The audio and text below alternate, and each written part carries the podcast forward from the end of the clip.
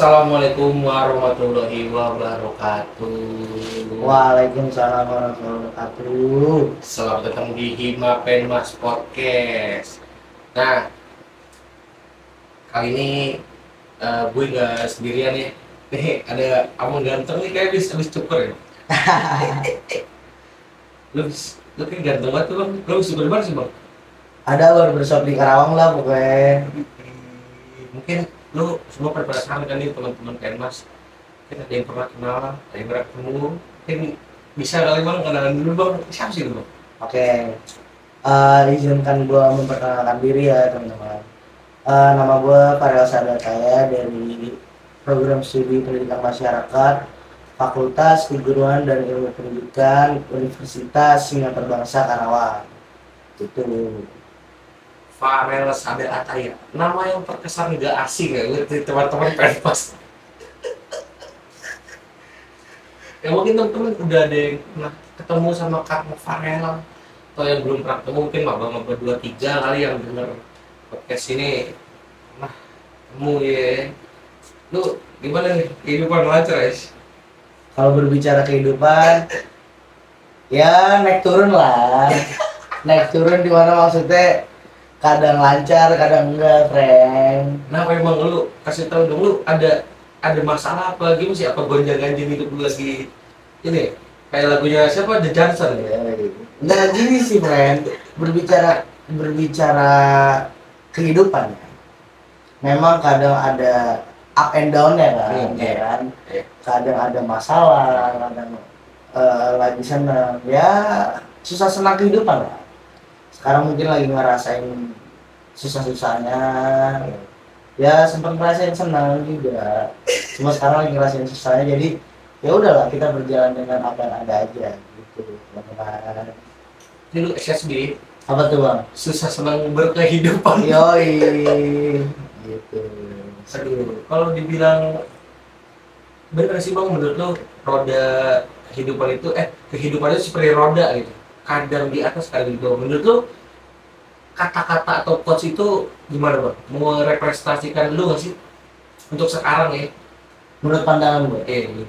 kalau roda itu kadang di atas kadang di bawah, memang itu menjadi landasan gue dalam bukan landasan ya apa ya? pemikiran eh konsep atau konsistensi gue dalam menjalani kehidupan. Ya lu hidup nggak selalu di atas, lu hidup nggak selalu di bawah, friend. Gitu. Jadi ya kadang lu di atas lagi senang teman-teman lu datang kan, tapi lu lagi di bawah, betul teman-teman lu kan betul ke mana? Ya.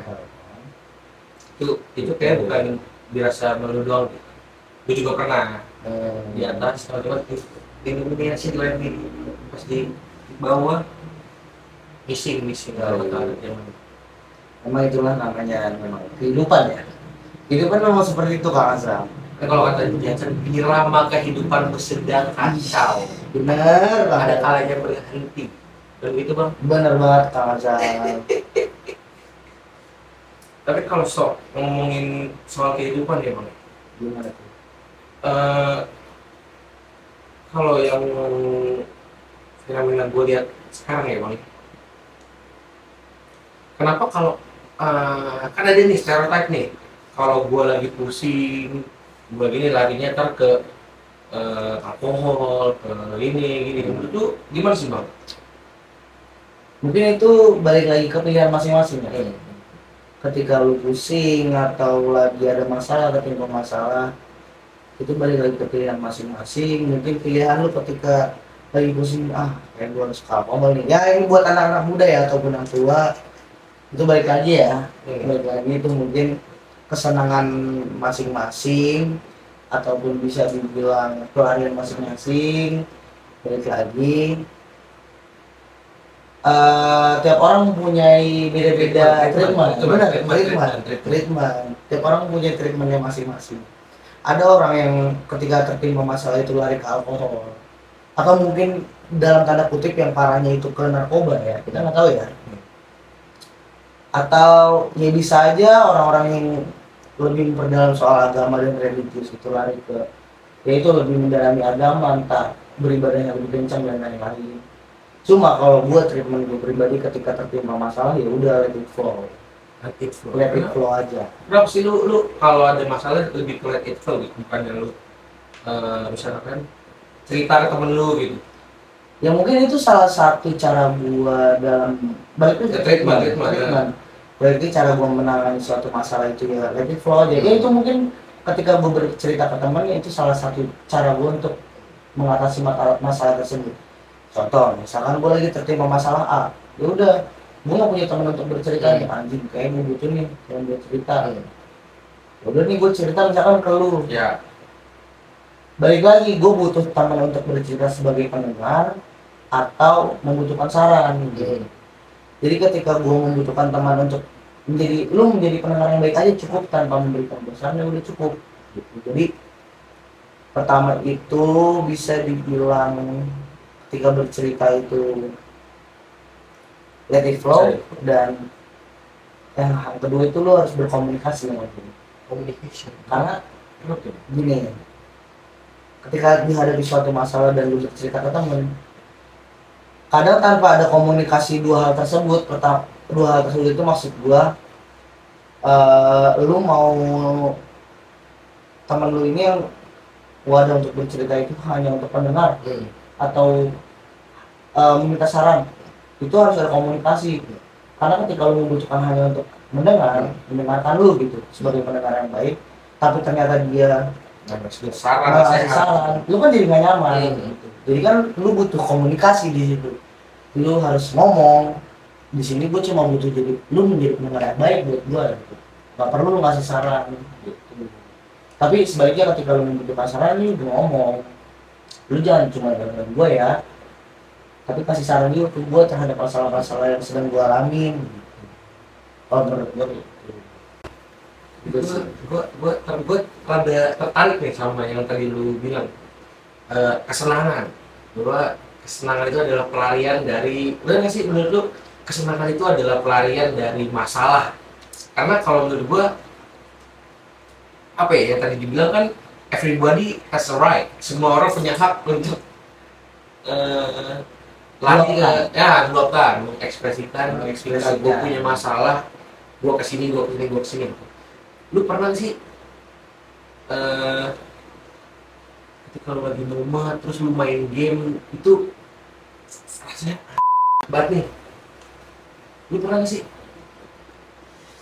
main game nih? Kalau lu lagi kusir puyeng Eh, kalau lari ke game ya? Hmm.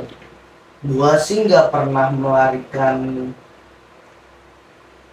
apa ya permasalahan gue itu ke game. Nggak pernah gue tapi gue lari ke game itu ketika gue lagi jenuh aja Hmm. kalau berbahas soal game ya? Hmm. gue selalu melarikan diri gue itu ke game itu selalu soal ketika jenuh atau mungkin emang mengisi waktu luang.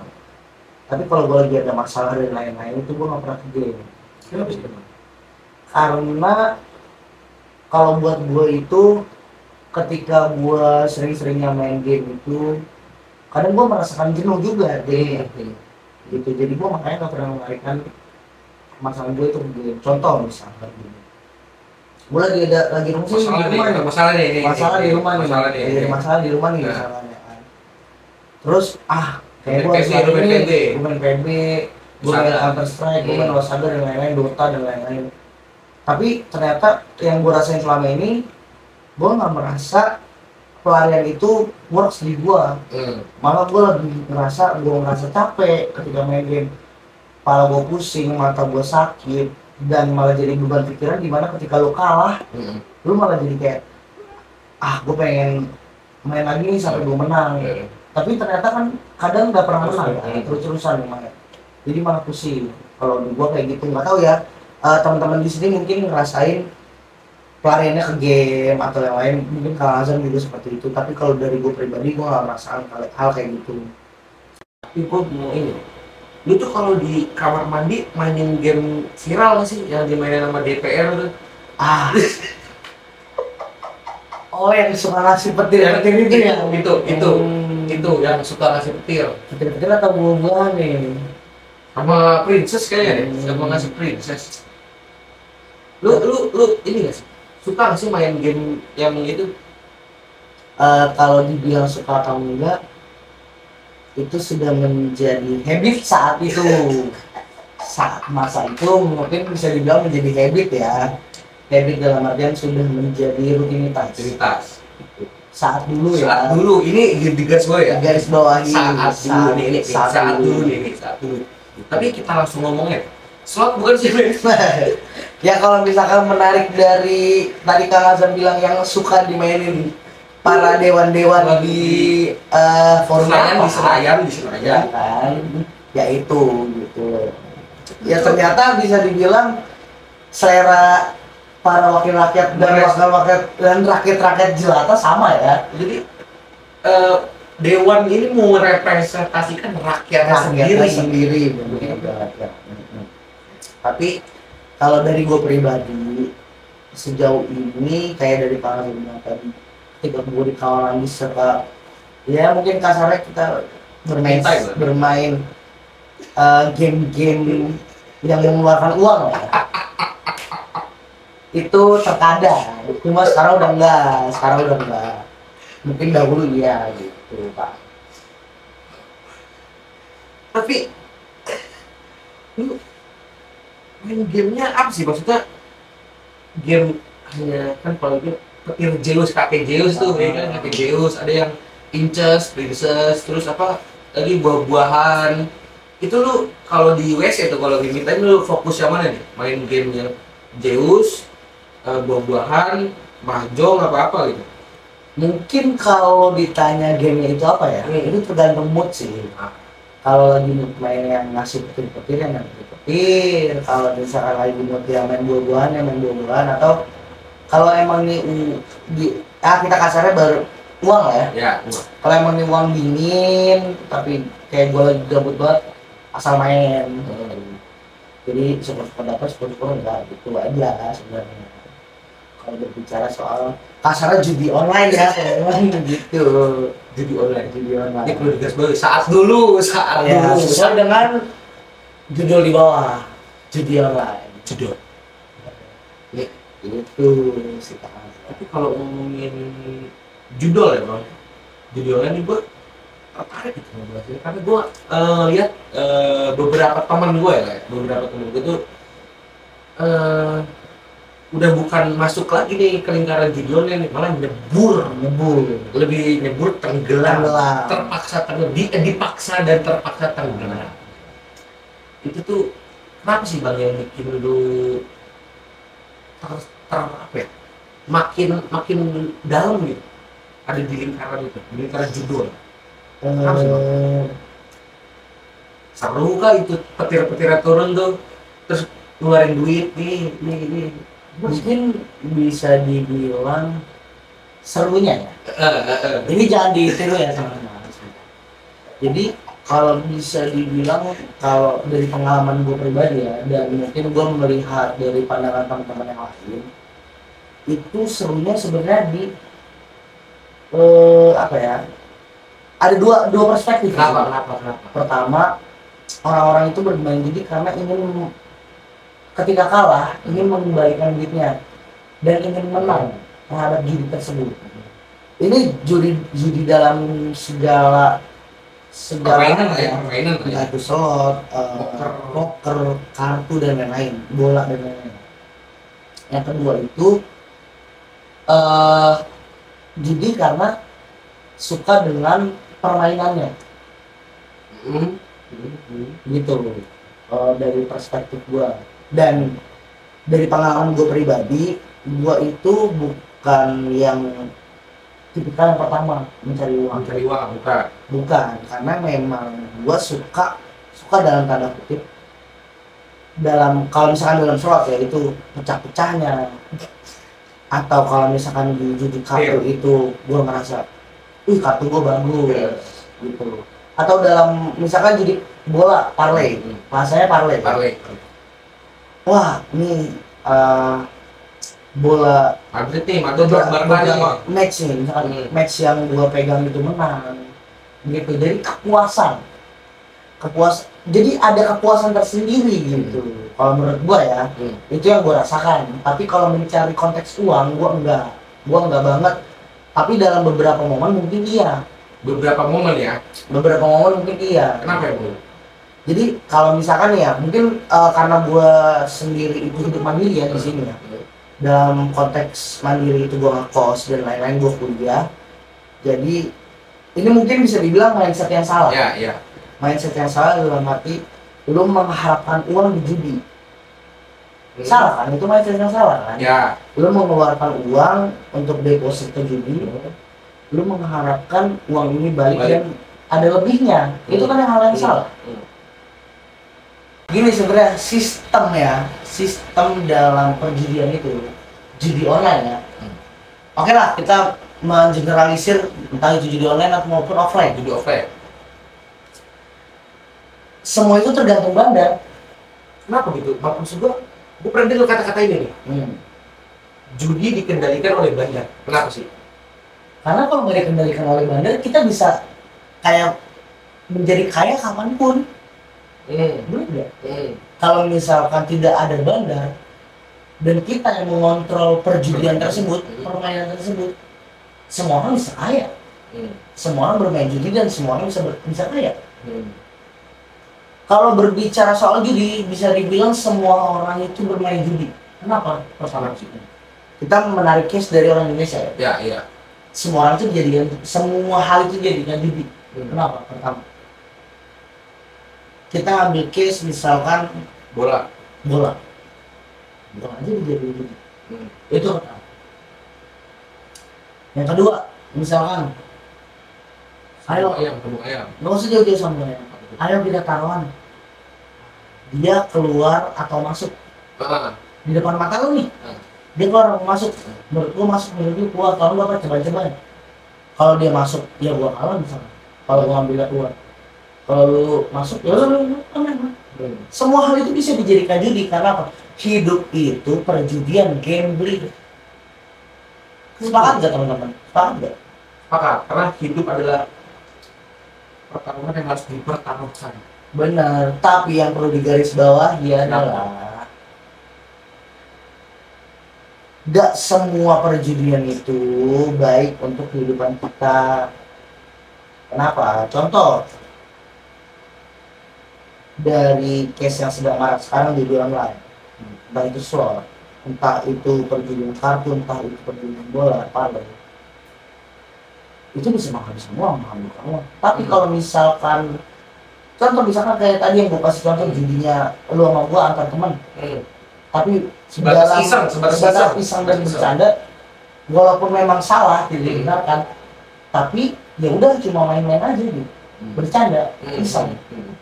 Ya kan Ya, enggak yang Karena- ngamburin uang Nah. segala se gelontor-gelontor itu 100 juta. karena melihat gua melihat case nya itu banyak orang yang benar-benar habis uang karena judi itu memang yang mencari uang Mencari uang. mencari, Mencari. uang kayak yang tadi gue bilang pertama dia sudah misalkan habis 100 ribu dia masang lagi 50 ribu untuk membalikan uang 100 ribunya ternyata kalah ya nambah terus Hmm. untuk menggali untuk mengembalikan uangnya Hmm. ataupun untuk mencari keuntungan gitu dan banyak mindset yang salah Kenapa sih? gini nih misal Hmm. lu itu berjudi nih taruh lu kalah 200 200 ribu. 200 ribu Hmm. tapi lu menang 200 ribu Hmm. artinya kan lu cuma mengembalikan Modal. modal lu tapi lu udah merasa menang banget. Kalau Udah. bahasa anak zamannya balmon, balik modal. nah balik Modal. modal lu udah ngerasa duit lu udah balik tapi lu udah mau wah gua menang nih gua mau Widi-widi spend ah gitu. gua mau spend gua WD, misalkan gua udah kalah 200 tapi pas WD 200 withdraw ya Hmm. pas gua withdraw 200 gua mau spend juta ke mana mana Hmm. Padahal itu sama aja uangnya perputarannya. Atau misalkan gini, lu udah habis sejuta, lu udah habis sejuta, tapi uang lu balik nih 900. Hmm. Tapi dengan jumlah, misalkan gini, lu nggak sadar lu udah habis sejuta nih, tang, tang, tang, tang. Hmm. udah habis sejuta, tau tahu pas di deposit terakhir yang lu mainin itu lu Masih ini, masih nggak usah sampai maksud lu tiba-tiba menang di 500 ribu 800 ribu. Lu udah ngerasa wah banget. Eh, anjing gua menang di 800 ribu. Wah gua menang di 800 ribu. Gua menang di 900 ribu. Lu udah merasa menang banget. Akhirnya duit tersebut yang sebenarnya itu duit lu sebelumnya hmm. udah lu spend ke mana-mana nih lu. Entah itu buat makan entah itu buat belanja apa pun. Gitu. Jadi sebenarnya balik lagi ke psikologi dan mindset. Jadi itu kayak gitu sebenarnya lu nggak bakal pernah menang selain bandar yang menang. Hmm. Kalau menurut gua nggak tahu ya teman-teman berpendapat seperti apa. Nggak tahu teman kang Azam ini berpendapat seperti apa itu. Kalau menurut gua sebagai X X X X. bisa dibilang mungkin pelaku mantan user. maupun korban. Karena sebenarnya di perjudian itu tidak ada pelaku. tidak ada korban. Itu kenapa? Lu yang ngelakuin uang lu habis Hmm. lu yakin mau dibilang pelaku kayak gitu eh mau dibilang korban kayak gitu Tapi kan secara apa ya? Sama enggak ini menyebut case-nya enggak jauh beda sama kayak narkoba sih. Ya enggak sih? iya Ya lu bukan Ya, pelaku menurut gua menurut, menurut gua gini gini. gimana Ketika lu apa namanya? eh, lu kan nggak tahu apa-apa nih, ya kan? Terus lu dicek dicekokin lu ngeliat tuh gue penasaran sama judi terus lu ikut mau mas- eh, masuk ke dalam sini kan itu sudah menjadi korban gitu menurut gua ya. Ya kan? Bukan pelaku menurut gua karena dia merasa terbawa. Eh. Ya. Lu ini pelaku. Apa karena yang diberi kesadaran gitu? Gini lu nggak bisa dibilang pelaku maupun korban sebenarnya ketika Hmm. berjudi ya lu kan ngelakuin hal tersebut secara sadar dan normal benar bukan tanpa alasan. Lu berjudi ngelakuin hal tersebut lu frustasi kalah tapi sebenarnya lu nggak bisa menyalahkan judi. Kenapa? Karena bisa dibilang judi itu sudah ada dari beratus berjuta tahun yang lalu. Permainan tertua di dunia adalah judi. Di dunia permainan tertua di, di dunia adalah judi perjudian gimana orang mau lepas dari judi kalau itu aja permainan tertua di dunia. Sudah mengakar sudah mengakar kalau bahasa anak zaman sekarang sudah berfilsafat lah ya. Radikal radikal. Dan nah sekarang gini. Lu mau dibilang korban tapi lu melakukan hal tersebut secara sadar. Lu mengeluarkan uang lu secara sadar. Lu masih mau dibilang pelaku ataupun korban kayak gitu enggak dong. Enggak. Lu nggak bisa dibilang korban kayak gitu. Oke mungkin pelaku masih bisa. Tapi korban korban enggak. Iya enggak mau disa yang mau disalahin siapa? Dibalik lagi yang mau disalahin diri lu sendiri. Lu terlibat aja udah salah apalagi semakin dalam itu semakin salah. Tapi kan ada peran bandaranya ini yang selalu mempromosikan bahwa ada judi online begini lah begini lah itu kan secara nggak langsung memakan korban-korban baru gitu. Korban-korban yang baru untuk untuk apa ya melanggengkan lah apa ya bahasa ini eh, melanggengkan perjudian katakanlah di Indonesia sendiri lah ya. Ya. Mungkin gini bandar itu tidak pernah mempromosikan yang dia jalankan. Kenapa tuh? Kita yang mengapproach bandar. Kita yang mengapproach judi online tersebut. Kita yang mendekati di sana. Sebelum kita sebelum kita mendekat ke perjudian tersebut faktor lingkungan jadi bandar itu tidak pernah terlibat langsung ke bawah bandar itu orang atas. Hmm. gimana caranya si bandar bisa mengapproach ke bawah? Jadi dari yang teratas dulu teratas bawah bawah bawah ke bawah. Maka mengangkat benar. Jadi menurut gua lu nggak bisa menyalahkan benar juga. Karena yang lu melakukan hal tersebut karena kemauan lu bukan kemauan bandar bandar itu sifatnya ya udah diem orang yang pergi yang nyamperin bandar Hmm. benar gak Hmm.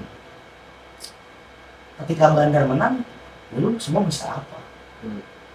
lu kroco kroco men bisa apa bener gak Nih, mungkin kalau dia bisa bantu kita nih, apakah judi itu, eh penjudi itu korban atau pelaku, mungkin bisa dibantu ya teman-teman ya. ya mungkin teman-teman di sini menganggap penjudi itu korban. Silahkan bisa di komen atau mungkin yang tidak sependapat dengan gua silahkan bisa di komen gitu